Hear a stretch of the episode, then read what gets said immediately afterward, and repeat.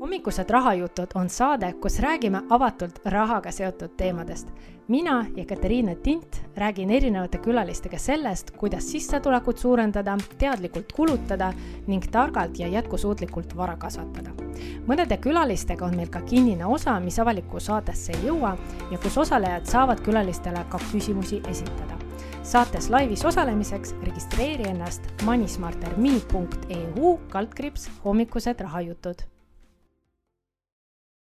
tere tulemast järjekordsesse hommikused rahajutud saatesse, kus me räägime inimestega rahast ja investeerimisest. mina olen Ekaterina Tint ja täna meil külas on investor Märten Kress, kellega mul tegelikult kohe-kohe on väga palju teemasid äh, ja ilmselt väga spetsiifilisi teemasid, millest saab nagu rääkida. sest ma tean, et Märten ise on ähm, väga investeerimisteemas sees, kusjuures just need küsimused, et kuhu praegu investeerida, kuidas investeeringuid valida. Äh, Märten on ka Äripäevas tihti koolitamas investeerimisteemal. aga enne kui me edasi lähme, Märten, äh, tere tulemast, aitäh, et tulid ja äkki sa siis räägid paar sõna enda kohta, et miks sina oled siin, miks sa investeerimisega tegeled või kuidas sa investeerimisega tegeled? ja tere kõigile no minu investeerimise suur selline võib-olla hoog läks sinna sisse siis, kui oli töötatud tükk aega valgekraena fondijuhina ja, ja hakkasin ihkama rohkem vabadust, kui võimaldas siis selline palgatöö. ehk siis oleks tahtnud rohkem valida neid tunde, millal ma töötan, kui kaua ma töötan, mis päevadel ma töötan, päiksepaistelistel vähem, vihmastel rohkem ja nii edasi, et et kusagil seal aastal võib-olla kaks tuhat üksteist, kaksteist äh, jõudis see, see mõiste finantsvabadus minu radarile esimest korda läbi ingliskeelse meedia ja, ja, ja sealt hakkas siis kerima selline isikliku investeerimisportfelli sihipärane ülesehitamine, et, et finantsturgudega ühte ja teistpidi ma olen kokku puutunud no ikkagi väga kaua juba, et tuhat üheksasada üheksakümmend seitse oli minu esimene aktsiatehing varsti on kakskümmend aastat justkui elukutselisena toimetatud finantsturgudel. aga jah, sellise isikliku investeerimisportfelli poole peal sai alus pandud no natuke rohkem kui kümme aastat tagasi ja täna siis äh, suuri tiitleid ma täna endale külge ei riputa, et ma olen selline võiks öelda investor, ettevõtja ja lihtsalt rõõmus inimene. minevikus ma olen olnud siis äh, riigikassa riskijuht paar aastat ja pikalt, peaaegu kümme aastat pensionifondide fondijuht?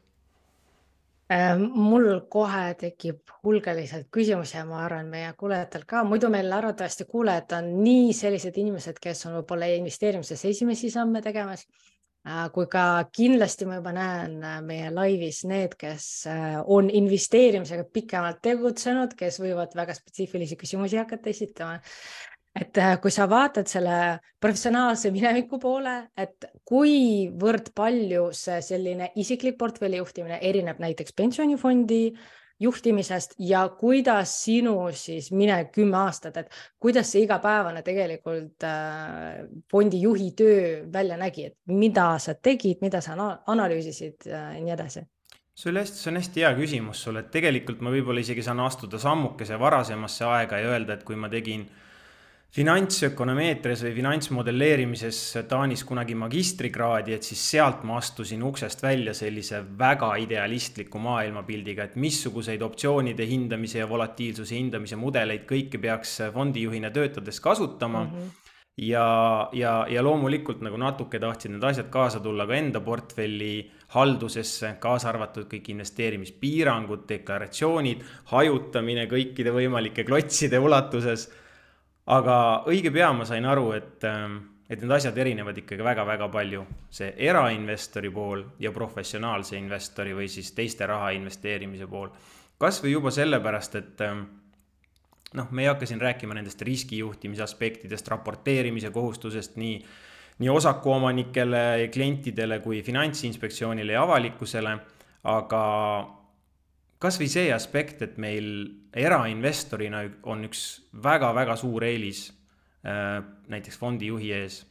ja kõik, kes te vaatate-kuulate, ma annan teile viis sekundit aega mõelda, et mis asi see olla võiks, et et mis asi, mis eelis saab olla erainvestoril professionaalse investori ees, kellel on kõikvõimalikud andmed olemas, kiired andmed, ajakohased, Bloombergi terminalid. Et mis asi see olla võib ja tegelikult see vastus on hästi huvitav, et see on aeg. et meie investeerimistulemus, nii Katariina, sinul kui minul, meil ei ole vahet, et kas meie investeerimist tuleb koju järgmise kvartali jooksul, järgmisel aastal või viie aasta peale kokkuvõttes. aga fondijuhina on sul ikkagi väga oluline, et sul aasta jooksul see tootlus tuleks, isegi kvartali jooksul, on ju, oleneb, kui sagedasti sind mõõdetakse.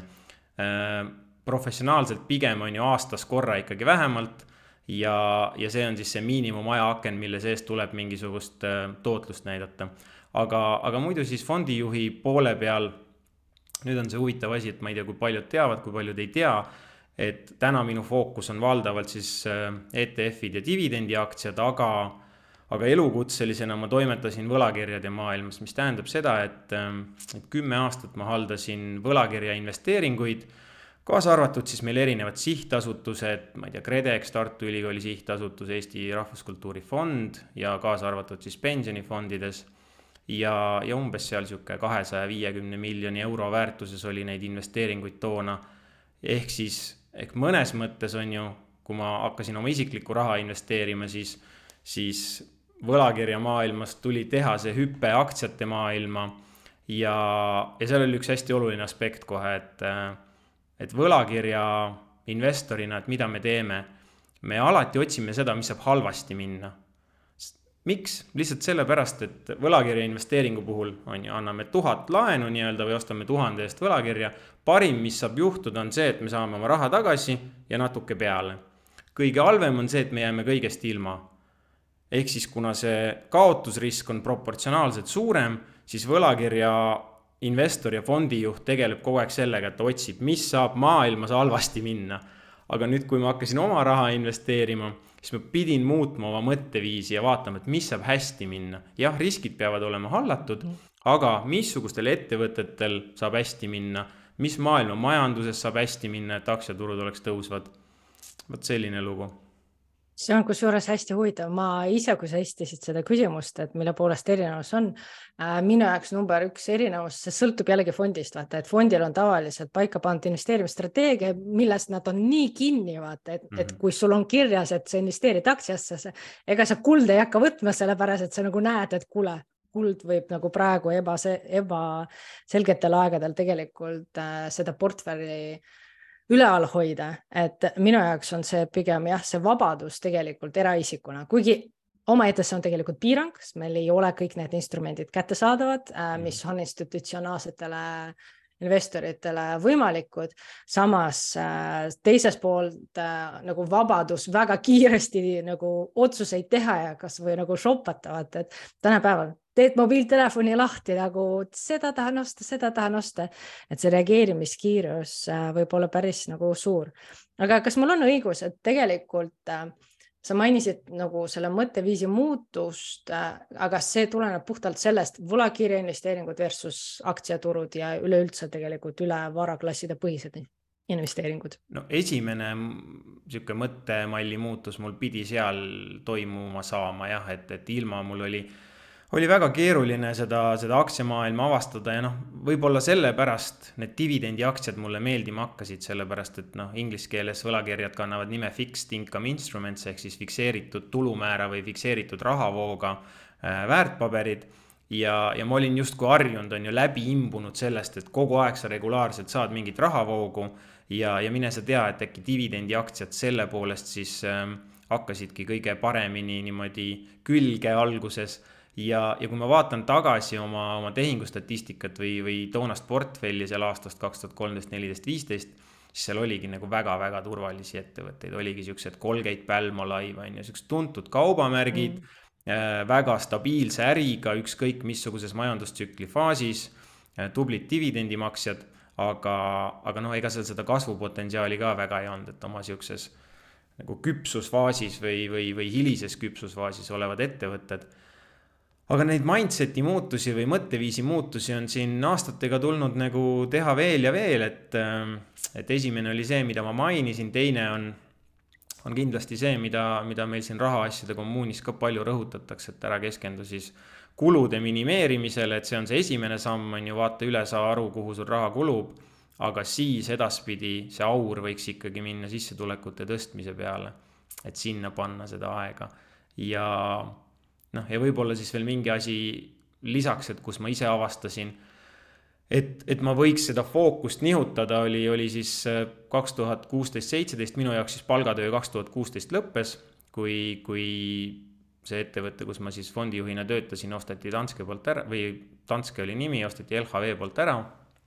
ja, ja siis mul oli vaba aega palju käes, et siis, siis mulle meeldiski nokitseda, on ju, iga päev vaadata oma investeeringuid, timmida ühte ja teistpidi. Aga õige pea ma sain aru, et kui ma sama palju aega tegelikult panustaks aktiivse tulu mingite võimaluste mm. leidmisele või aktiivse tulu teenimisele, siis see, see tootlus sellest või, või, või investeeringu rentaablus oleks palju suurem, et, et mu portfell ikkagi nii kopsakas veel ei olnud, et iga kaheksa tundi aktsiaanalüüsi tooks nagu nõnda hea tootluse kui, kui kaheksa tundi aktiivset tööd või, või, või mingisugust abistamist on ju kellelegi ja ma arvan, seda tegelikult äh, võib-olla ei rõhuta piisavalt palju, sest meil erinevates väljaannetes, no ikka nagu tahetakse rääkida sellest, et mis see parim investeering on, et selles mõttes, kus saab lisaks teenida, ma ei tea, viie pluss viis protsenti lisaks või pluss kümme protsenti lisaks.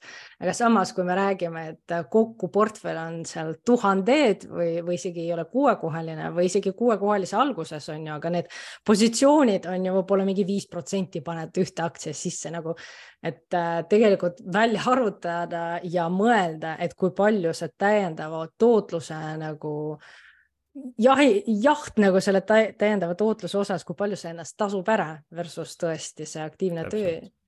ja mulle hästi meeldis, Kristjan vist nagu Liivamägi rääkis, et nagu see, see on piiramatu, vaata, mida sa saad aktiivse sissetulekuna mm. tegelikult teenida, on ju, ettevõtlus, sina oled nüüd ettevõtja, lugija, ma ei tea, mis, mis aktiivseid sissetulekuid sul veel on, aga see maailm on nagu piiramatu.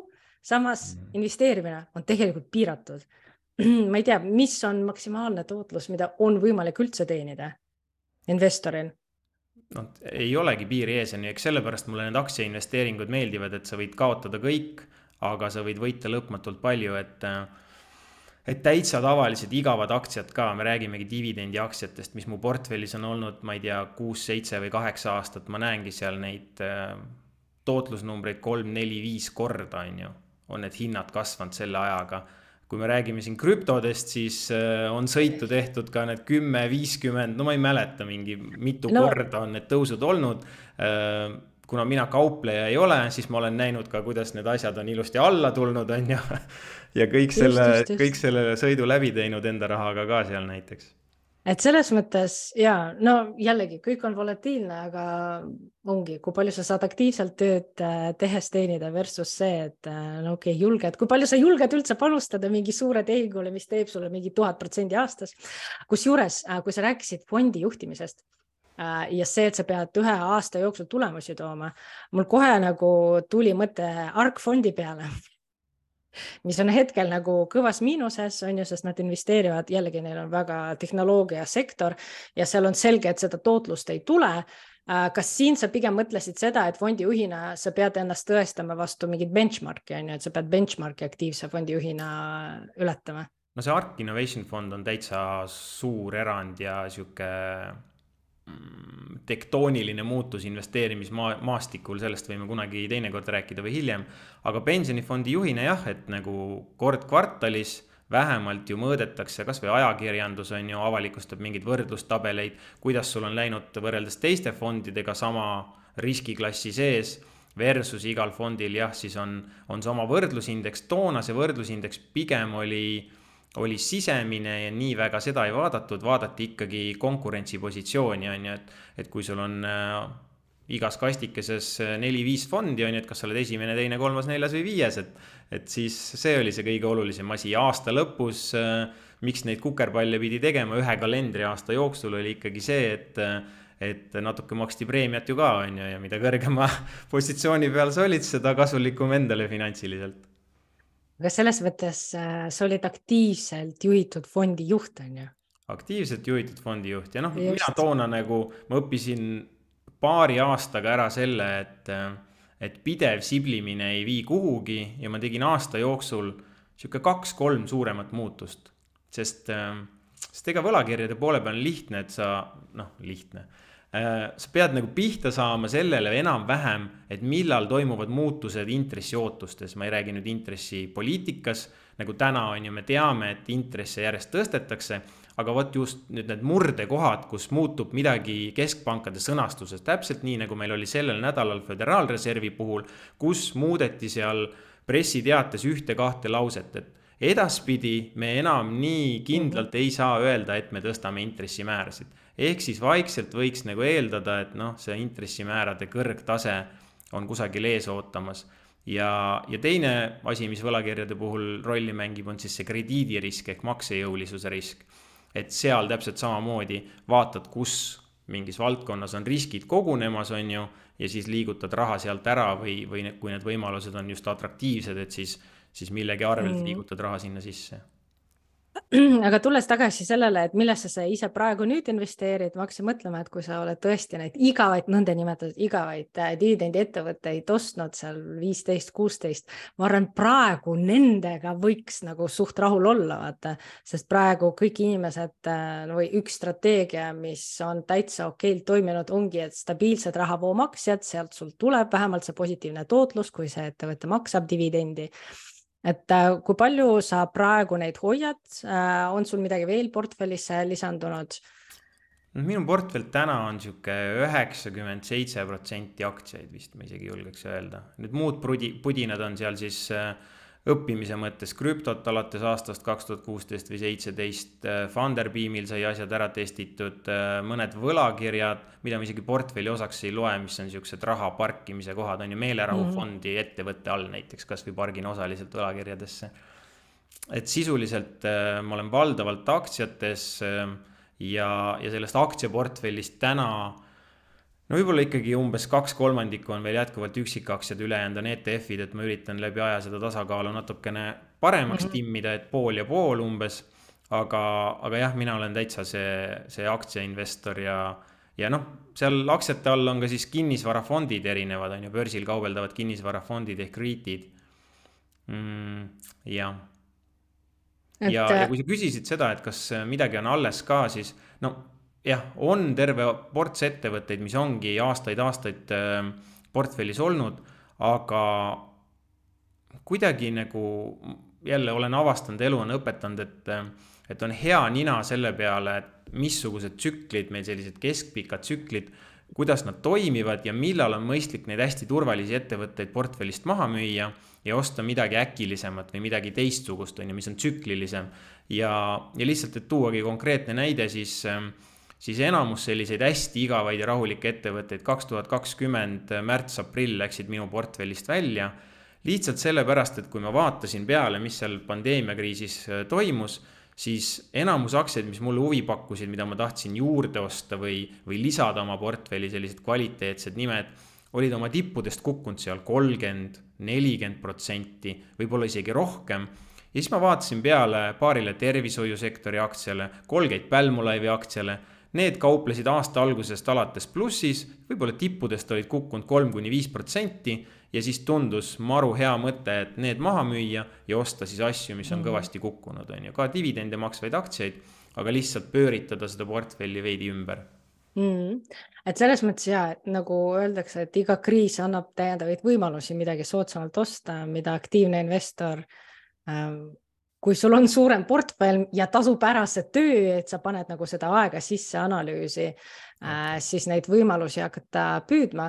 aga kas sa ise oled oma portfelli juures jälginud, mis on sinu nagu strateegiline osa, mis on sinu taktikaline osa, kas sul on selles osas mingi nagu kindel jaotus või, või ongi instrument by instrument?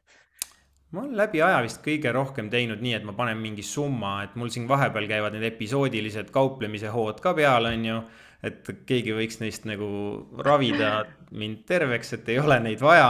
see on lihtsalt nii palju stressi, nii palju aega, et tulemus on nagu sisuliselt pärast löön numbrid kokku, vaatan, et aasta peale teenisin no heal juhul turuga võrdset tootlust näiteks. Yeah.. aga, aga ma olen jah pannud siis nagu need absoluutnumbrites summad, et, et äh, isegi protsentuaalselt ei oska öelda, et lihtsalt tunnetuslikult, et kui, kui ma panengi kauplemisportfelli mahuks seal kakskümmend viis, kolmkümmend tuhat eurot või dollarit, siis ma tean, et iga positsioon, mis ma võtan, on seal kaks pool kuni viis tuhat näiteks, siuksed mm -hmm. kontsentreeritud positsioonid, et mingi mõju oleks.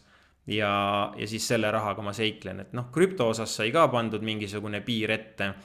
Ehm, kui palju ma sinna olen valmis ehm, nii-öelda panustama, siis absoluutsummas jälle, mitte protsendina portfellist ja, ja pigem olen niimoodi toimetanud mm,. väga huvitav, mina just jälgin äh, seda protsendilist osakaalu äh,. aga see jällegi väiksemate summadega, kui me ei räägi siin miljonitest, võibki tähendada, et kui tegelikult see sellist nagu riskijuhtimist äh, järgida, siis ongi mingid väiksemad positsioonid või piiritlematud positsioonid, piiritletud äh,, piiratud, siis võib see tähendada, et minu portfellis on tegelikult mõnikord liiga palju neid üksikuid positsioone. just tähendavalt see, tänu sellele, et ma tahan nagu erinevate valakrasside lõikes allokeerida, näiteks mul on siiamaani see kuld neli protsenti nagu sellest nii kinni olnud või, või mingi krüpto kaks protsenti selliseid nagu positsioonid sõidavad sisse. aga mõnes mõttes see on nagu, korra siis täiendan, et mõnes mõttes see ongi parim praktika, et, et noh, kui ma ise ka võib-olla alustajate koolitusel räägin, siis, siis äh, ma ütlen sedasama et, et kümme-viisteist protsenti portfellist võikski olla see õppimiskooliraha ja seiklemise raha, on ju. Mhm.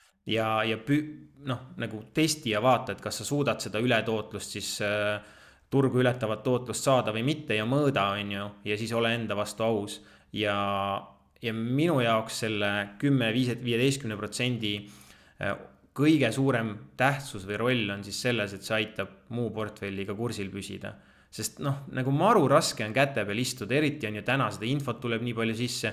palju asju tunduvad põnevad, tahaks ju ka proovida ja, ja testida ja siis tuleb ahnus sisse, siis tuleb hirm sisse, on ju, kordamööda nad käivad aga kui sa tead, et enamus portfellist on paigas mingi strateegia või lähenemise alusel, siis äh, ja sul on see väike killuke, millega seigelda, et siis mm., siis vähemalt sa saad seda, seda, seda sügelust kratsida, on ju, ütleme siis nii, et see aitab äh, püsida pikaajaliselt palju paremini kursil mm. -hmm.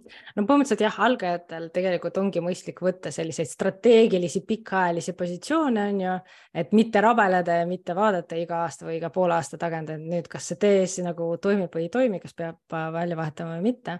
aga mul hakkas äh, huvi tundma ETF-idest, kas sul ETF-id on puhtalt ka sellised pikaajaliselt või sa oled ka ETF-ides sees mingid aktiivsemad, lühiajalisemad, taktilisemad äh, strateegiad katsetanud? Ja jälle on muutunud, et äh, üks osa ETF-idest on selline, mis vähemalt ostes ma soovingi, et ta täidaks seda laiapõhjalise hajutatud ETF-i rolli, on ju. et ma justkui ostan neid eesmärgiga mitte neid niipea müüa, eks -hmm. elu teeb vahest oma korrektuure, on ju, lihtsalt on vahepeal vaja, ma ei tea, eraisikuna midagi müüa ja pigem investeerid ettevõtte all, lihtsalt maksuefektiivsuse mõttes kasvõi. et äh, on jah, sellised pikaajalised ETF-id valdavalt ongi siis laiapõhjalised hajutatud ETF-id, kas kogu maailm või siis mingite regioonide spetsiifilised. siis teine kategooria on sellised ähm, pikad petid, on ju, natukene, natukene sihuke sektoriaalne panustamine, natukene temaatiline investeerimine, et, et kuidas kunagi. noh, näiteks hea näide on see, et kaks tuhat kakskümmend, kakskümmend üks ma tundsin, et et ma ei oska välja valida neid väikseid tehnoloogiaettevõtteid, et mm -hmm ma ei ole harjunud neid analüüsima, nii kui ma bilansile ja kasumiaruandele peale vaatan, siis ma saan nagu rabanduse, kuna neil raha ei ole, muudkui põletavad seda raha, et no minu käsi ei tõuse neid ostma. ja siis tundus, et üks kõige lihtsam viis on, on leida üles ETF, mis näiteks valib välja siis pilvetehnoloogiat rakendavad ettevõtted on ju, või mingid siuksed software as a service ärid mm, -hmm. SaaS ärid ja, ja panustada siis on ju sellele korvile ja, ja kolmas kategooria on siis jah, et kui vahel on see kauplemispisik jälle niimoodi näpistanud, et siis, siis läbi ETF-i on maru hea võtta, võtta selliseid taktikalisi positsioone ka, et noh, näiteks kes mäletab, kaks tuhat kakskümmend aprill oli meil see kuu siis äh, ju aprill-mai, kui, kui korraks nafta hind käis meil negatiivse poole peal ja, ja kogu see ESG maailm oli siis nii väga pildis, et noh, põhimõtteliselt tundus, et naftafirmad panevad kohe homme oma mm. poe mhm. kinni. ja, ja mul on portfellis päris palju energiasektorit ja toona ka alguses ostsin hoogsalt pandeemia alates juurde märtsis.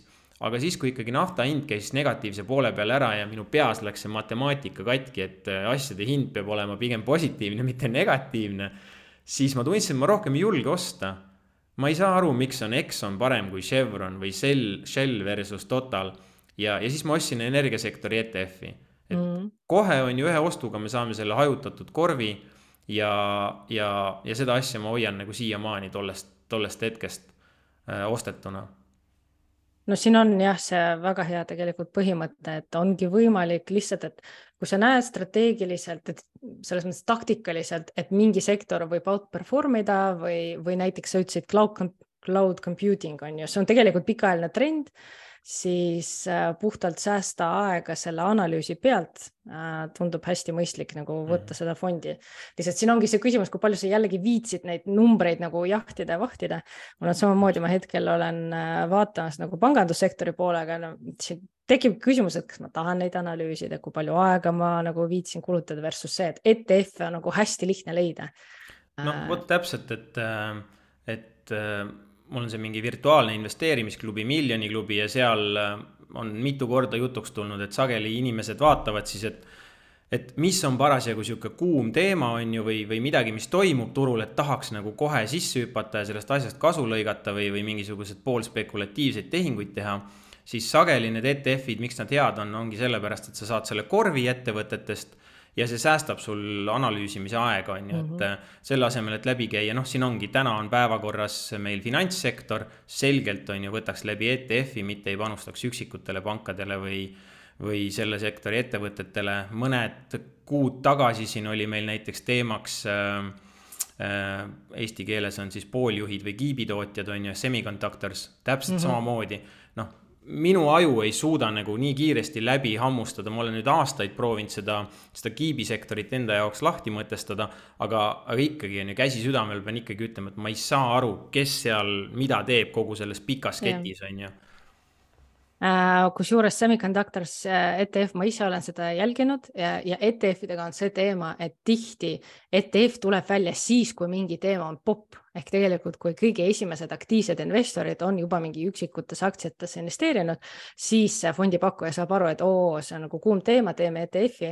Äh, selle Semiconductorsi ETF-iga ma väga selgelt mäletan, ma ise nagu võtsin praegu Semiconductors ja see on minu jaoks ka selline IT-tsükliline sektor, millele nagu panustada langusaegadel, äh, sest ma arvan, et see on pikaajaline trend. kuigi ei, mul on üks ettevõte ka ASML, mida ma nagu üles korjasin, sest ta on ähm,, mulle meeldis nende ESG aruanne. -hmm. ja pluss ta oli Euroopas ka äh, et seda ma nagu hoian äh, kuidagi ja jõudsin need mingi sada pluss lehte diagonaalis nagu läbi lugeda aga jah, Semiconductor ZDF samamoodi sama hästi sõi. see on päris huvitav, et äh, see ASML ka, et äh, ta on minu watchlist'is, ta on, äh, ootab väga seda, et ta tahaks mu portfelli tulla, on ju, või mina tahan, et ta tuleks mu portfelli mm,. aga samas noh, mina pean jälle tunnistama, et ma nagu ei saa päris lõpuni tast aru, et ma olen kuulanud podcast'e, kus seal külas on kas ettevõtte tegevjuht või finantsjuht ja tund aega räägib sellest, mida nad teevad, kuidas neil on äh, kogu need äh, masinad, mis nad siis ehitavad, et neil on tuhat hankijat, et mingi mm. masina komponent, mis on kiibi tootmiseks vajalik, mida ASML kokku paneb, see ehitatakse nagu null koma viis protsenti valmis, siis ta saadetakse kuhugi järgmisse maailma otsa, kus pannakse järgmised null koma viis protsenti otsa. ja nii ta liigub, on ju, sadade ja tuhandete hankijate juurest, kes muudkui justkui ehitavad, panevad ühe klotsi juurde, see kõik on nii salajane ja, ja samas neid masinaid müüakse, kui sa vaatad, mitu tükki nad aastas müüvad, siis, siis äh, see tekitab ka nagu sellise imeliku tunde, et okei okay,, et sa müüd siin paarkümmend või paarsada tükki aastas ja sa oled Euroopa üks suurima turukapitalisatsiooniga ettevõtteid. et hästi-hästi huvitav ja omapärane ettevõte. aga korraks veel nende temaatiliste ETF-ide juurde tagasi tulles, siis siis ükskõik, kas alustaja, edasijõudnud või professionaalne investor, minu arust nende temaatiliste ETF-idega on üks asi on väga oluline sa pead omale paika panema ähm,, noh, ma ei taha seda sõna kasutada strateegia, aga, aga sa pead omale paika panema plaani, kuidas sa seda ETF-i ostad ja, ja, ja kui palju sa teda ostad. ehk mida ma sellega öelda tahan, on see täpselt nagu sa, Katariina, ütlesid, et nad tulevad välja siis, kui seal sektoris on buum mm. -hmm. mis tähendab seda, et heal juhul sa saad mõned kvartalid veel seda rõõmu ja siis tuleb ärakukkumine ja see ärakukkumine kestab mitte aasta, vaid kaks ja kolm. vaadake kõiki kanepisektori ETF-e, minu arust see on parim näide. kui kaua peab ootama, täna, mis me saame vaadata äh, clean energy ehk siis äh, taastuvenergia sektori asjad on ju täpselt samamoodi, kuidas nad buumi toel tulid turule, kuidas toimus see ärakukkumine kaks tuhat kakskümmend üks umbes ja siis ei ole nüüd tükk aega midagi toimunud. et hästi selgelt nagu paika panna, et äh, et kui palju ja kuidas sa teda ostad, et ma olen ise, ise oma portfellis täpselt samamoodi näinud, et see cloud computing on ju maru tore oli teda justkui selles tõusus osta. siis tuli langus, vaatad oi-oi, nii palju langenud, ma ostan natuke veel juurde. aga täna on juba selline tunne, et äh, ma ei tea, on ju. kuigi võib-olla hinna mõttes oleks äh, oleks just mõistlik jätkuvalt regulaarselt sinna sisse panna, aga kuidagi vaata, see usk on nagu natukene kõikuma löönud või enam ei viitsi sinna süveneda ja sisse vaadata vaata siin minu jaoks tekibki see äh, teema, miks mõnikord üksikaktsiad on paremad äh,. sa mainisid seda Clean Energy ETF-i, noh, mina olen loomulikult seda mingi sada pluss korda nagu vaadanud, analüüsinud ja mõtlesin ka võtta Äh, tegelikult vaadates seda minevikku, et esimest korda, kui see Clean Energy ETF tuli, ta tegelikult tõusis, tõusis ja siis ta langes. ehk tegelikult, kui vaadata minevikku, need esmased, kes põhimõtteliselt osalesid, ma ei tea, ETF-i IPO-l äh, või nagu ostsid kõige esimesena, nemad tegelikult ei saanudki oma raha tagasi.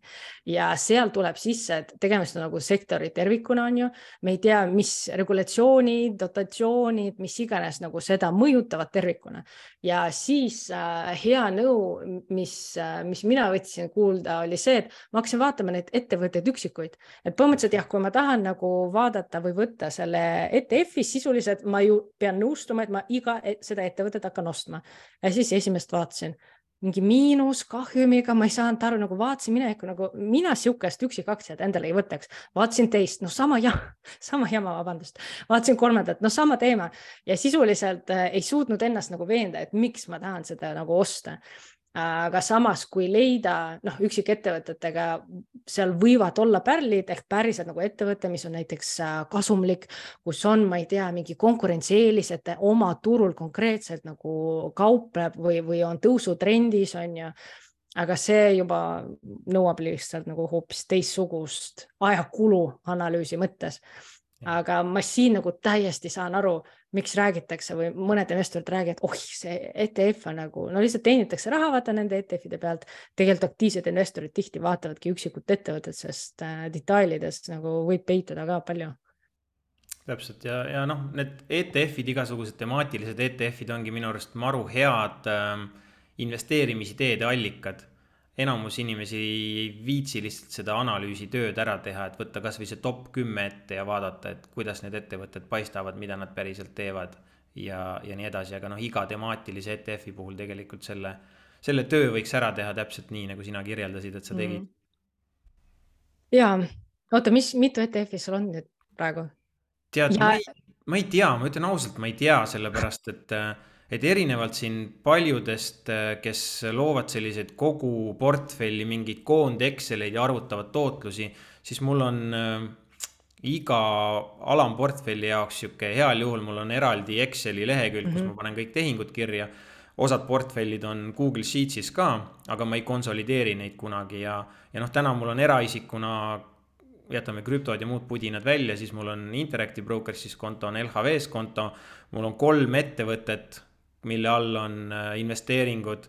Äh, kahel neist on Interactive Brokers'i konto on ju, et, ähm, et noh, ma enam ei, ei, ei viitsi seda koondstatistikat teha, et see ei anna mm. mulle midagi. ma vaatangi iga portfelli põhiselt, kuidas sellel läks, on ju. Interactive Brokers'is kenasti ära seadistatud äh, globaalne aktsiafond sinna võrdlusindeksiks ja, ja siis ma kohe näen, et kas kas kogumuse pingutus ja kukerpallid on vilja kandnud või mitte mm.. ja äh, peamine küsimus, kas emerging markets võtta või jätta äh, kes ei tea, arenevad riigid, me räägime kuuskümmend, nelikümmend protsenti on tavaliselt Hiina aktsiaid, aga India, kes ja. potentsiaalselt võiks nagu ähm, hästi huvitav nagu, ma olen ise ka käinud kasvada. niimoodi ühte ja teistpidi, et kui me vaatame nüüd äh, näiteks kasvõi sellest valgusest, et kus on rohkem kasvupotentsiaali, noh, nii selgelt on ju, arenevates riikides justkui on. nii, siis kui me vaatame natuke tehnilise analüüsi valgusest, et meil on olnud sellised ajaloolised ületootluse ja alatootluse perioodid, perioodid, mil arenevad riigid on viis, kuus, seitse aastat näidanud paremat tootlust kui USA või Euroopa aktsiad. ja siis tuleb võib-olla seitse-kaheksa aastat perioodi, millal nad on näidanud oluliselt nigelamat tootlust. see, mis on alates kahe tuhande üheteistkümnendast aastast umbes tänaseni tegelikult toiminud. et äh, arenenud tööstusriigid on näidanud oluliselt paremat tootlust. ja, ja siis võiks ju jälle mõelda, et, et, äh, et miks mitte siis, et kui tuleb see pikaajaline ületootluse faas arenevates riikides, siis võiks ju seda sõitu kaasa teha. Valuatsioonid ehk siis väärtussuhtarvude vaadat-, vaates jällegi arenevad turud on ju oluliselt soodsamad. noh, seal tuleb alati nagu aru saada sellest, et, et mitte kunagi need arenevad turud ei kauple samal PE tasemel nagu Euroopa või USA, et see vahe jääb alati sisse. aga nüüd oluline on see, et kui arenevate riikide keskmine PE on siin, et kas me täna oleme sellest kõrgemal või madalamal. Mm. kui me oleme madalamal, siis nad on justkui atraktiivsed. ja mm, noh, ja miks ma nagu selline veidi kõhklev olen, on, on olnud seetõttu, et, ähm, et lugedes ajalugu ja finantsajalugu ka, siis, siis äh, need arenevad riigid, nad arenevad juba viiskümmend või seitsekümmend aastat, on ju. jah, seal on see progress aga kui sa ise käid, käisin mõned aastad tagasi Argentiinas, veetsin nagu peaaegu kuu aega. siis sa vaatad seda elu, noh, no ei tule, see inflatsioon on seal ikka viiskümmend või sada protsenti aastas, no ei tule, on ju. et, et miks ta siis, miks ta siis nüüd järgmise kolme või viie aasta jooksul järsku peaks teistmoodi olema. ja, ja seal ma olengi kuidagi ise võtnud selle hoiaku, et noh, pigem vaadata nende riikide poole siis, kes on näidanud head minekut. vahepeal oli selleks Hiina nüüd täna rohkem ongi vast India seal eesrinnas, ma ütleks. ja, ja jah, need muud Ladina-Ameerika riigid on nagu keeruline ja, ja jah, seal osad siuksed Lähis-Ida ja, ja Aafrika on täitsa veel omaette maailm jah äh,, ma täiesti jagan seda valu, et äh, kõhklev, ma olen siin love-hate relationship'iga nende arenevate riikide ETF-idega äh,. minu üks strateegia ma kostsin endale Factory ETF-idest portfelli äh, ja see on puhtalt nagu arenenud riikide Factory ETF-id ja kes ei tea, mis Factor on, põhimõtteliselt näiteks saab panustada ainult aktsiatele, mis viimase kuue või kaheteistkümne kuu jooksul kasvasid kõige kiiremini, eeldatavasti nad kasvavad kõige kiiremini. põhimõtteliselt tänu sellele teenida seal no mingi kaks, kaks, kolm, neli protsenti võib-olla, võib-olla rohkem Äh, ja siis, kuna ma sain aru, et mul nagu neid arenevaid riike ei ole, siis ma neid võtsin, äkki see oli aasta kaks tuhat üheksateist. Ja, ja siis mu teooria oli see, et äh, ma olen hästi-hästi kaval. Siis kui kukub miinus kakskümmend protsenti, siis ma raudselt ostan, ostan juurde, on ju, siis ta kasvab ilusti, siis ma teenin selle pealt. ja siis ta kukkus. Ja kukkus. Ja kukkus. Ja põhimõtteliselt jah, oligi, ma ei mäleta, kas oli eelmine aasta või üle-eelmine aasta juba, kus ma lihtsalt nagu müüsin seda maha, no kust, kust see kasv tuleb ja, ja lühiajaliselt perspektiivis jah, seal nagu Hiina andis seda nagu kasvu, mida loomulikult oleks võinud äh, mõelda, et nii, et oh, no miks ma siin nagu ei ostnud. aga see turu ajastamine on tõesti noh, kas see ajakulu ja närvid, kas see on seda väärt ja ma olen hästi nõus sinuga ja ma olen ka vaadanud neid minevikku, on ju.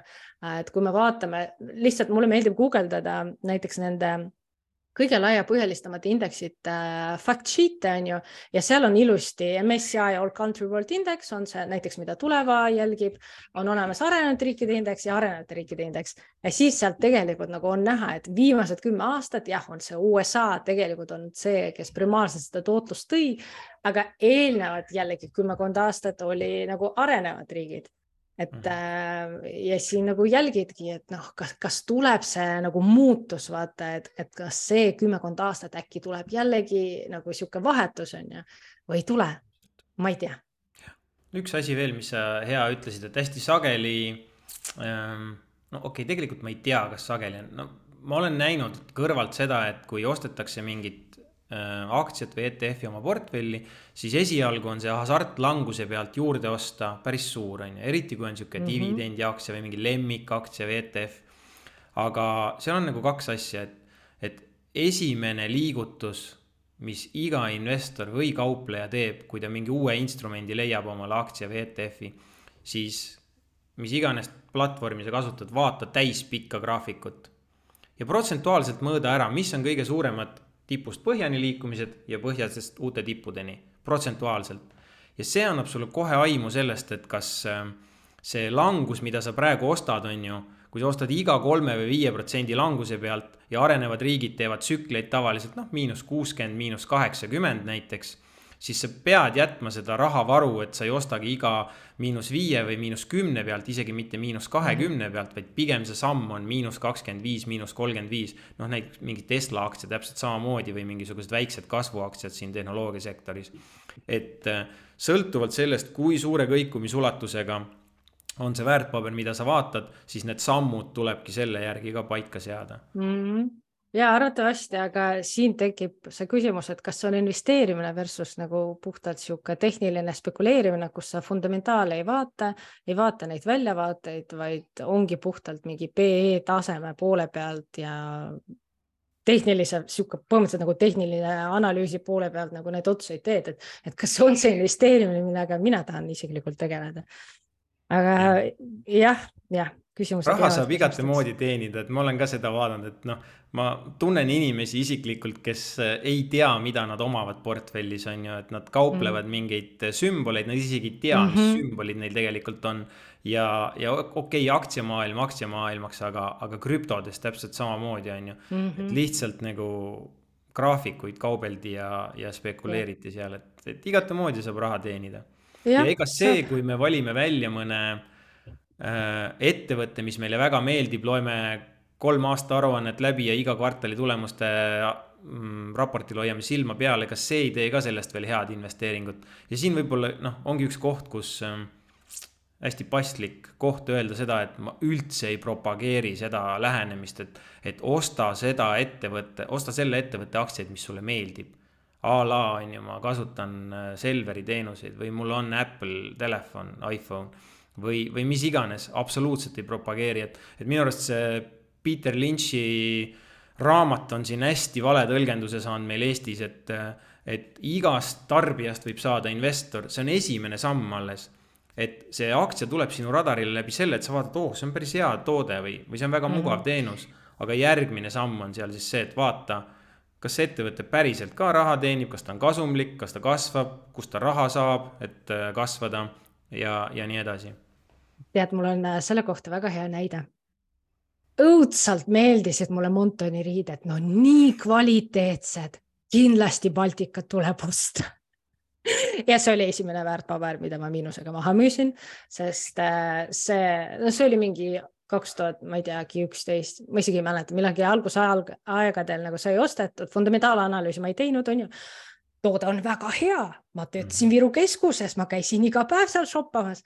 et äh, ja lõppude lõpuks tegelikult noh veidikene vaja lisatööd teha. ja siis nüüd me kusjuures tuleme just selle väga huvitava teema juurde, et mis aktsiaid sa praegu vaatad, analüüsid äh,. kas praegu pigem, ma ei tea, langenud kasvuaktsiaid võtad portfelli ehk mis on sinu strateegia ja mis on mingid taktikalised ideed, kui sa jagad päris palju on nagu ajaga muutunud, et, äh, et esialgu ma olingi puhtalt seal dividendimaksjate peal ja nagu loomulikult iga dividendiaktsiatesse investeerimisega algust tegev investor, esialgu sa tahaks justkui maksimeerida seda rahavoogu, mis sa saad iga oma investeeritud saja või tuhande euro pealt.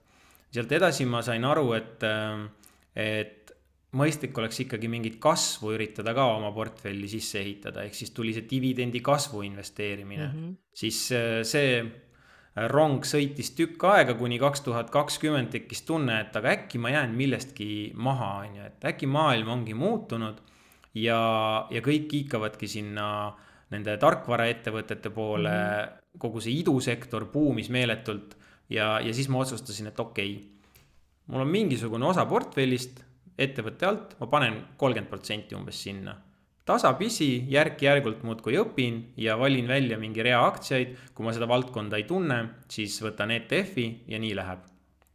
ja, ja mis tähendab siis seda, et äh, mõnes mõttes nüüd me oleme jõudnud olukorda, kus ma vaatan nii selliseid dividendi maksvaid aktsiaid, vaatan kasvuaktsiaid ehk siis äh, Nad võivad olla kas kasumlik, kasumit teenivad, nad võivad olla ka dividendi välja maksvad, aga nad võivad olla ka siis negatiivse rahavooga ja kasumit mitte teenivad ettevõtted.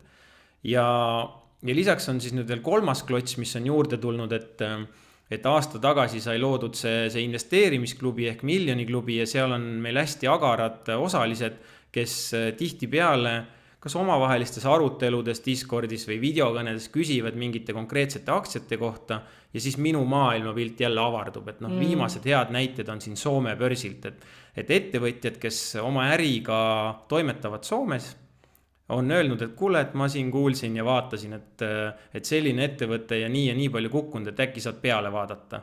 ja siis noh, sealt tulevad need asjad nagu mulle, et ma ise ei vaata absoluutselt Skandinaavia poole, aga aga sealt nad siis on tulnud ja siis äh, veel üks lisaklots siin head äh, mõned aastad tagasi tuli sellest, et äh, oli kinnisvarabuum, et no kõik siin rääkisid üürikorterid üks, kaks, kolm, neli, viis kamba peale või üksi, vahet ei ole, on ju. ja mitu korda võtsin Exceli ette ja vaatasin, et no kas ma teen seda, siis mõtlen, no ma ei, mulle ei meeldi seda kipsi panna, mulle ei meeldi seal vuntsimas käia, no see ei ole üldse minu. peab remondimees olema. no ja üldse noh, ma ei tea, kuidagi hästi-hästi vastumeelne ja, ja see oli see periood, kus ma siis avastasin need börsil kauplevad kinnisvarafondid enda jaoks mm, -hmm. et sai üks, sai üks e-raamat isegi sellest kirjutatud ja isegi inglise keelde tõlgitud ja Amazonis on müügis muide. kuidas müüb äh,? kuidas? kuidas müüb äh,? praktiliselt üldse ei müü, sest enamus kasutavad seda mingit kindel lugemise versiooni on ju, et ma näen okay. seda statistikat, et keegi on jälle lugenud siin sada lehekülge või midagi mm aga, aga neid klotse on jah, täna nagu hästi palju, ehk siis mõnes mõttes ma justkui saan öelda, et ma vaatan nagu päris paljudesse suundadesse korraga, on ju, nii nende investeeringutüüpide või ettevõtte tüüpide osas kui ka regioonide, et natuke on siin see Skandi tulnud.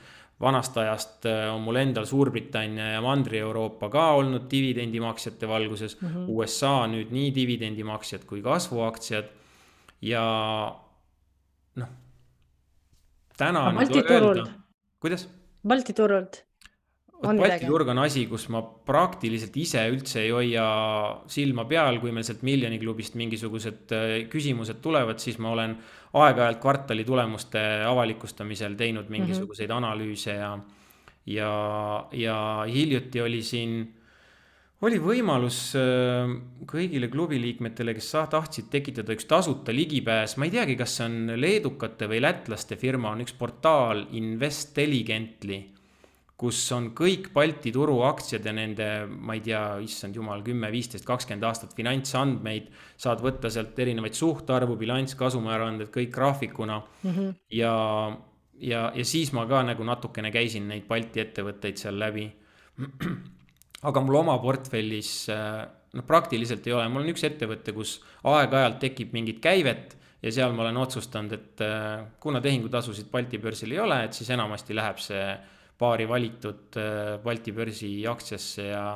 ja noh, ega siin mingit saladust ei ole, et, et ma olen sinna välja valinud Efteni ja LHV enda jaoks mm, -hmm. et aga põhimõtteliselt sellised pigem nagu kasvupotentsiaaliga ettevõtted, mitte mingi kõrge dividenditootlus, vaid pigem noh, Balti, Balti börsilt, Balti börsilt jah, et eks mul oma portfellis on nagu mõlemat, on nii neid tänaseid rahalehmi kui ka on neid siis mhm. dividende mm -hmm. kasvatavaid ja kasvupotentsiaaliga asju. aga kui sa siis küsid, et mis on täna radaril, siis ähm, noh, me saame nüüd hästi pikalt sellest rääkida või kokkuvõtlikult. Mm, no selge on see, et nagu finantssektor on pihta saanud, on ju. nii, paljud näevad siin ostuvõimalust. ma ise pigem, kui ma midagi näen, siis ma näen kauplemisvõimalust ostuvõimalust keeruline, Euroopas ei ole ju väga palju midagi juhtunud, Credit Suisse kukkus, Deutsche Bank äh, on kukkumas, vaatame, mis sealt saab, on ju, et see, see torn on värisenud juba viisteist aastat, minu jaoks Credit Suisse on värisenud kaksteist aastat. nüüd oli lihtsalt see liblika tiivalöök, on ju, mis pani asjale punkti. Äh, USA-s noh, see regionaalsete pankade pool, et, et seal, seal tulevad mingisugused järelmõjud, mis, mis mõjutavad kogu pangandussektorit pigem negatiivselt ja mõjutavad ka näiteks kinnisvarasektorit sealset pigem negatiivselt mm., et et ma seal nagu investeerimisvõimalust ei näe ja ma pankades üldse ise tegelikult väga investeerimisvõimalust ja potentsiaali praegu ei näe. sellepärast, et see panganduskriis, millega kriisid tavaliselt lõpevad, on ju, uued regulatsioonid, uus kruvi peale, mis tähendab seda, et kasumid kannatavad suure tõenäosusega vähemalt mõnda aega ja, ja teine pool on siis see, et, et laenusaajatele läheb laenu saamine kallimaks ja keerulisemaks. et noh, nagu keskpikas perspektiivis kuidagi ise sinna pangandusse praegu ei panustaks, samas on ju see teise ringi efekt on, et näiteks USA kinnisvarafondid Euroopas täpselt samamoodi. et, et siis ma vaatan nende REIT-ide ehk siis börsil kaubeldavate kinnisvarafondide poole täna päris palju ja, ja seal on seda valikut, noh, see ampluaa on suur.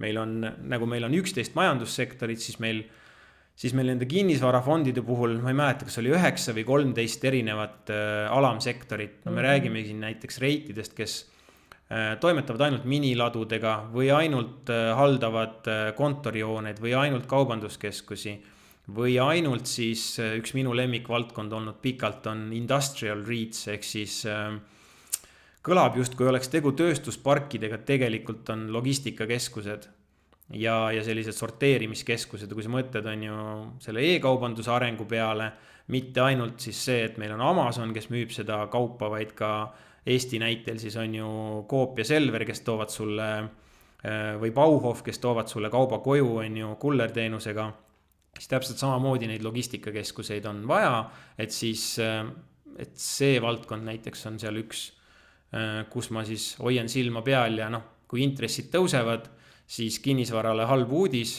ja mm, -hmm. ja mhm. tekivad need ostuvõimalused siis, siis läbi selle ja äh, mul endal ka on mingid üksikud äh, reidipositsioonid ka nagu Belgi- äh,, Belgium, eesti keeles ma ei tea, Belgium ähm,. näiteks jällegi mul on mingid aktsiad, mida mulle arm, mulle meeldib hoida äh,. ma ei ole nendesse armunud, aga võib-olla oleks võinud nagu aktiivsemalt äh, neid omada või valitseda selles mõttes, et äh, osta või müüa õigetel hetkedel, aga sisuliselt jah, reidid hetkel no ikka selline miinus olnud, mis potentsiaalselt pikaajaliselt, kui need intressimäärad hakkavad langema, siis võiks nagu tähendada, et äh, tulevikus nad võiksid paremat kasvu saada, kui need näiteks äh, laenuintressimäärad nende jaoks vähenevad.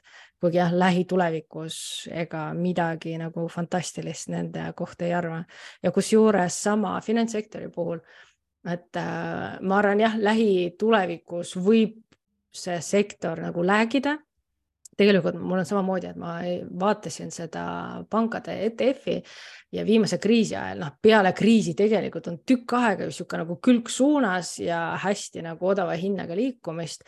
Äh, ja jällegi ma arvan, äkki see perspektiiv on seal kolm-viie aasta pärast hoopis ehk selline veidikene nagu pikaajalisem taktikaline positsioon, ähm, justkui vaadata seda nagu majandustsükli poole pealt.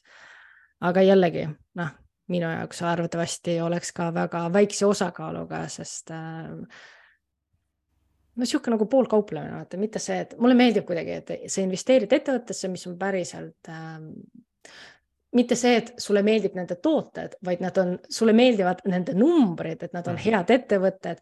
Äh, no minu jaoks ikkagi see ESG, kui see jah, ei ole enam niivõrd popp, aga selles mõttes mulle meeldib see, et see ettevõte peab päriselt maailmale nagu pigem kasu tooma kui kahju tooma, sest see on lihtsalt nagu pikaajaliselt ettevõtted, kes ma ei tea, reostavad või tegelikult ongi mingi negatiivsed äh, keskkonna või sotsiaalsete mõjudega, noh, seal võib hakata jällegi tänu selle ESG regulatsioonile nende jaoks asi järjest keerulisemaks minema.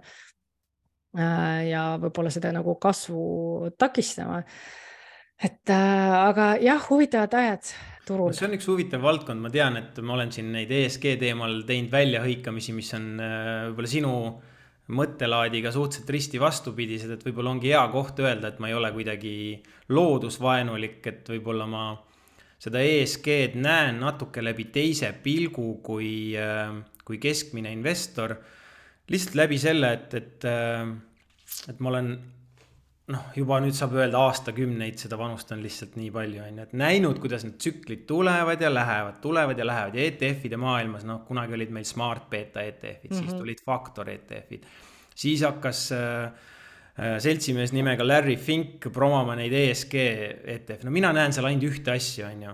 Nad kolmekordistasid oma kasumimarginaali, mida rohkem investorid need suunavad tava ETF-idest ESG-sse, seda kõrgem on nende kasum. BlackRocki investorina ma teen nii, mulle meeldib see mm, -hmm. on ju, et ma olen aastaid seda aktsiaid omanud, aktsiat omanud, ostan rõõmuga juurde ka, kui need arengud jätkuvad. ja, aga noh, võib-olla siis üks asi on veel, et, et siin selle, selle sõja valguses ja, ja, ja toorainete tsükli valguses siis äh, siis mul on nagu hästi keeruline näha seda, kuidas seda ESG gaasipedaali täna hoitakse, hoitakse jätkuvalt nii põhjas, nagu on olnud viimased viis või seitse aastat. lihtsalt sellepärast, et, et see kaevandus ja, ja naftasektor on, on nii alainvesteeritud, et noh, sealt varem või hiljem peab kusagilt järgi andma ja siis tehakse järgiandmisi pigem nendes põhimõtetes lihtsalt sellepärast, et saada inflatsioon kontrolli alla yeah tooret, toormete hinnad natuke allapoole ja et neid toormeid üldse oleks, on ju, et tegelikult see, see mure siin terendab ka teatud äh, asjadega, et noh, lihtsalt üks sihuke huvitav fakt, et äh,, et elektriautod vajavad kolm kuni viis korda rohkem näiteks vaske, on ju. täpselt samamoodi tuuliku püstipanemine Mm -hmm. Versus kui palju ta toodab energiat versus traditsioonilisel moel selle energia genereerimine, jälle neli-viis korda rohkem teatud tüüpi metalle, kaasa arvatud vaske. ja mida rohkem surutakse seda taastuvenergia poolt ja pärsitakse seda kaevandusvõimsust, siis äh, noh, kuidas need asjad, need, need klotsid ei sobitu kokku, on ju. ühelt poolt tekitad juurde vajadust mhm. tarbida mm -hmm. seda metalli ja, ja toorainet, teistpidi sa tõmbad alla tema pakkumise et noh, kusagil midagi varsti nagu murdub ja, ja mis on siis veel kuidagi keeruline, on see, et kui vanasti sai, sai kaevanduse lahti kahe-kolme aastaga, siis nüüd, kui ma loen oma portfelli ettevõtete kvartalitulemusi, siis nad ütlevad, noh, kaheksa aastat, on ju et äh,. selles mõttes ja see teema, jätkusuutlikkuse teema on hästi huvitav teema, kusjuures äh, siis, kui ma aastal kaks tuhat kakskümmend äh, lugesin Larry Fink, BlackRocki maailma suurima varahaldusettevõtte juht, annab niisugust igastast kirja, on ju. ja siis tol aastal ta oli nagu mega, et me peame investeerima ESG-desse ja põhimõtteliselt järgmised ükssarvikud tulevadki puhtalt nagu selle madala süsiniku tehnoloogia ettevõtetest ja climate ettevõtetest. ja viimane aja, viimane kiri sellest aastast oli see, et we will not be environmental police, et selles mõttes mm. -hmm. ja kusjuures viimane uudis, mis ma lugesin alles eile et äh, Financial Times ütlebki, et sisuliselt hulgaliselt neid ESG ETF-i saavad downgrade itud ja võetakse ESG lipikut ära, sest mm -hmm. minu jaoks nagu point jätkusuutliku investeerimisel on tegelikult see, et number üks, siis kui sa teed neid otsuseid, see on nagu loogiline, tegelikult ka ise võtad arvesse ju mingid maineriskid et kui kuskil tehakse salajaselt, äh, ma ei tea, reostust, siis selge on see, et see on ettevõttele risk, et ma ei tea, tulevikus tuleb mingi regulatsioon, mis teeb asja nagu halvemaks, kallimaks ja nii edasi. ja tänu sellele võib aktsia nagu kannatada. et see on niisugune nagu ESG riskidega arvestamine ähm, siis teine pool on see, et kui sa puhtalt ostad ja müüd järelturul, nagu mm -hmm. mis sellest muutub? selles mõttes jätkusuutlikkusele on hea mõju, kui näiteks IPO-del päriselt rohelised ettevõtted või rohelisemad või need, kellel on parim ESG või ESG juhtimine, saavad näiteks äh, rohkem investoreid, saavad kallima hinnaga välja tulla. Äh, või näiteks ongi, ma ei tea, saavad äh, rohkem raha kaasata, see on nagu otsene mõju. ja näiteks, kui me räägime nagu esmainvesteeringutest, näiteks võlakirjade valimine, IPO-d, noh, seal mul on nagu jah, niisugune ESG filter peal, et ma tegelikult tahan, et need ettevõtted oleksid nagu head maailmale, mitte see, et nagu ma riske vaatan, vaid ma tahan, et päriselt noh, kuidagi, ma ei tea, parandaks maailmat teoorias, aga mitte alati ma jällegi ei vaata. aga teiselt poolt, kui me räägime lihtsalt, et noh kas osta semikonduktorit, see on niisugune nagu numbrite mängimine, see ettevõtet enam ei puuduta otseselt, mis seal aktsia hinnaga nagu toimub, toimub. ettevõtte raha on juba kaasanud. Äh, jah, see ESG nagu mõjutab selle, ma ei tea, laenu intresse võib-olla, et rohelised mm -hmm. laenud on soodsamad laenud Äh, ja tegelikult, kui me tahame ja hoolime päriselt keskkonnast, siis tegelikult, mis oleks vaja, on see, et me nagu rakendame stewardship'i ja päriselt, ma ei tea, lähme hääletame ja ütleme, et kuulge, kus on teie ESG strateegia, ma ei ole seda näinud ja nagu kritiseerime ettevõtteid, et, et nad päriselt nagu midagi hakkaks tegema. sest ja näiteks kauplemisel ESG-d arvesse võtta, noh jah, nii et ma sinuga nõus, BlackRock on selle pealt äh, väga palju raha teeninud, on ju nende sustainability, head of sustainability Tarik, tema oli ju see whistleblower, kes nagu ütles, et see on kõik tegelikult lihtsalt mingi greenwash, teenitakse väga suurt kasumit selle pealt. Ja, ja see laine oli hästi nagu suur ja popp, aga nüüd alles nad hakkavad nagu vaatama, et oi, no mis ETF ikkagi saab seda ESG nagu nime silti kanda, mis mitte ja, ja järjest äh, need regulatsioonid tulevad, nii et ma arvan, ma olen sinuga täiesti, täiesti päri, ESG mõttes on väga huvitavad ähm, huvitav tulevik ees, sest ma eile lugesin ka, et näiteks see kaevandus kümne protsendi äh, süsiniku jalajäljest nagu vastutab ja tänu sellele, et nüüd aastast kaks tuhat kakskümmend, kolmkümmend viis äh, uued autod peavad olema tegelikult kõik elektriautod. täpselt. nagu kas peaks tegelikult kaevandusse investeerima ja väga kiiresti tegelikult ma ei tea, äh, tead, kellel on hea ärivõimalus?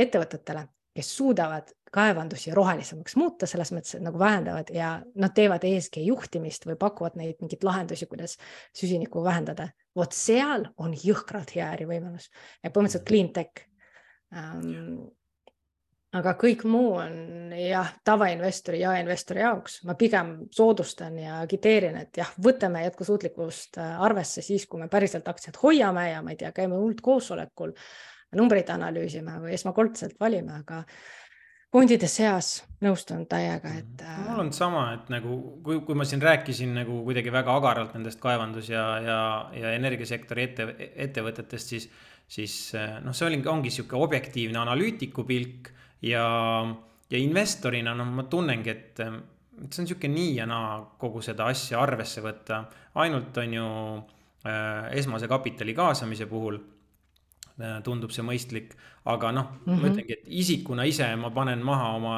omaenda kartuli ja porgandi ja, ja oma nõunaaeda ja, ja nii edasi, et üritan oma toitu kasvatada ja komposteerida, et. et noh, inimesena ma olen nagu igatipidi teistsuguse meelelaadiga, aga investorina jah, täna on ju seal mm, -hmm. nagu me rääkisime siin nii, aga ma vaatan, et meil on aeg juba lennanud, kusjuures üks küsimus tuli, et mis oli selle lehe nimi, kus sai vaadata Balti ettevõtete mineviku graafikuid ja, ja numbreid? selle nimi on Investelligently, justkui pange need kaks sõna kokku, invest ja intelligently ja, ja siis te leiate ja see on tasuline portaal tegelikult nad pidid tulema nüüd siin kas märtsis või aprillis välja uue versiooniga ja jah, et see vana oli noh, natukene kirju oli, ma võin öelda, et seal oli maru palju andmeid, aga veits võttis silme eest nagu kirjuks mm. -hmm. ja aitäh, Andrus, sulle. Andrus siin vahepeal kirjutas ka, et, äh, et kas me siis oleme seal Miljoni klubis virtuaalsed, et no me oleme virtuaalsed sellepärast, et me käime koos enamasti Zoom'i vahendusel, et, äh, et ma loodan, et sa, Andrus, mõistad aga õige pea saame ju ka kokku saali kokkutulekuga mm. -hmm. oo, väga hea portaal, ma ise olen vaadanud Enlight Research, et selles mõttes, kes Balti börsi vastu huvi tunnevad, Enlight Research on see koht, kus saab sisuliselt tasuta analüüse päris nagu deep'ilt äh, finantsprognoose ettevõtete lõikes, mitte kõikide kohta, aga enamiku kohta Mm -hmm. nii, aga hakkame kokku tõmbama äh,. anna meile, ma ei tea, kolm soovitust või sinu kolm õppetundi, mida sa tahaks, et investorid võiksid kaasa võtta, et olla paremad investorid hmm.? tead, mõnes mõttes ma ütlen, et see õppetundide jagamine on veits sihuke vaimlemine, et maru tore on kuulata, mida siis teised on õppinud ja, ja kus nad on äpardunud, aga noh, nagu see ei vii nagu kuhugi, sellel ei ole tegelikult mingit praktilist kasu, see on meelelahutuslik, et äh, kõige olulisem soovitus on see, et äh, alusta kohe täna heade ja toetavate rahaharjumuste loomisega. ehk siis, kui täna ei ole investeerimisvõimekust, siis saa aru, kui palju tuleb sisse, kui palju läheb välja, siis sa saad aru, et tegelikult on viiekas kasvukontole või roburifondidesse on võimalik või kümnekas. et need, need head toetavad rahaharjumused, iga palgatõus, iga preemia, äh, noh, sõltuvalt siis sellest äh, karmiduse astmest vähemalt pool säästudeks, investeeringuteks, äh, pigem isegi kaks kolmandikku, on ju. noh, see on see minu kuidagi mõttelaad ja meelelaad olnud, äh, olnud läbi aja ja siis, ähm, siis jälle asi, mis, mis on niisugune soovitus äh, julgustuseks, et kõik muutub. Sina ise ka muutud, on ju, sinu karakter muutub, see, mida sa soovid ja vajad, see muutub. igapäevaelus täpselt samamoodi, on ju. ja, ja täpselt samamoodi ka investeerimises. ehk siis ähm, see investeerimisportfell, mille sa kunagi üles ehitasid või mida sa täna teed, see ei pruugi olla igavene, et et aasta pärast sa, sa saadki aru, et midagi on minus muutunud, on ju, minul muutus see, see mõttemaailm, riskitaluvus, perspektiiv asjades, et mida ma päriselt tahan. Ja, ja mhm. sellest tingituna hakkas ka muutuma portfelli sisu, on ju.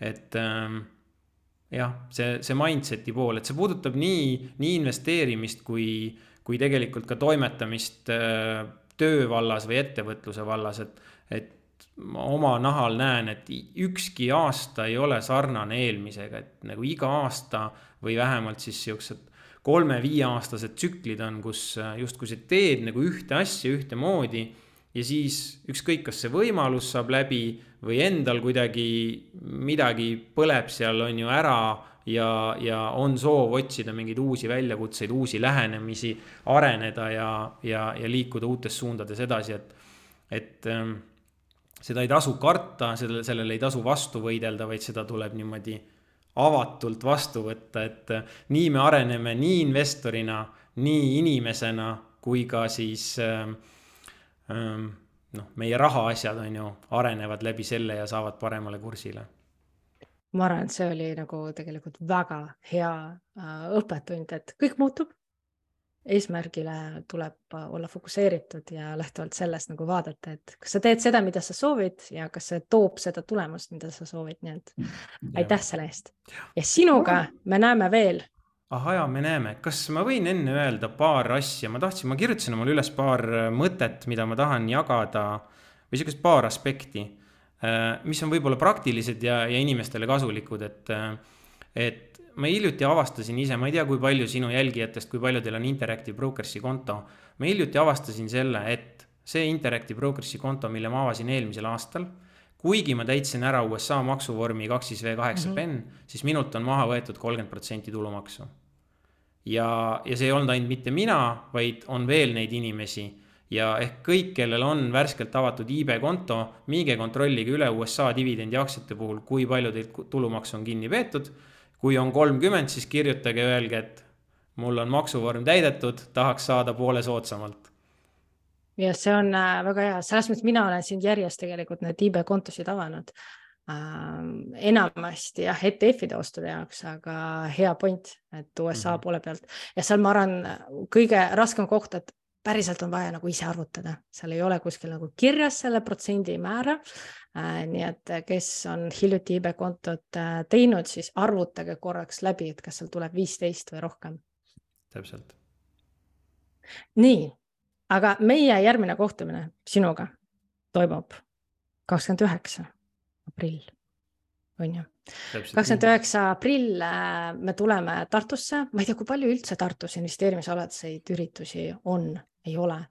Mm, tean, et Tartu Ülikool midagi tegi, on ju, ma praegu ise ka ei tea, et olid siin aastad enne pandeemiat, ma tegin ise täitsa siin saalikoolitusi mm -hmm. ja oli see, see investeerimisklubi siin ju aktiivne ja mm, -hmm. aga praegu on jah, ei tea, privaatses ringis tõenäoliselt neid äh, mastermind gruppe toimetab, aga, aga avalikke üritusi ei tea, kuigi äh, eelmisel nädalavahetusel nägin äh, Jaaku, Jaak Roosaaret siin ühes restoranis ja ütles, et ta käis just raamatukogus, Tartu raamatukogus rääkimas ja oli ainult viis viis eakat investeerimishuvilist ja oli natuke pettunud. nii, no ma loodan, et meie kohtumisele tuleb veidikene rohkem ja meil tegelikult tuleb selline suurem investeerimisalane üritus kakskümmend üheksa aprill, see on laupäev, kus me hommikupoolel räägime, mina räägin, sina räägid, äh, vaatame, kas keegi tuleb veel, räägime investeerimisest alates sellest, kuidas alustada.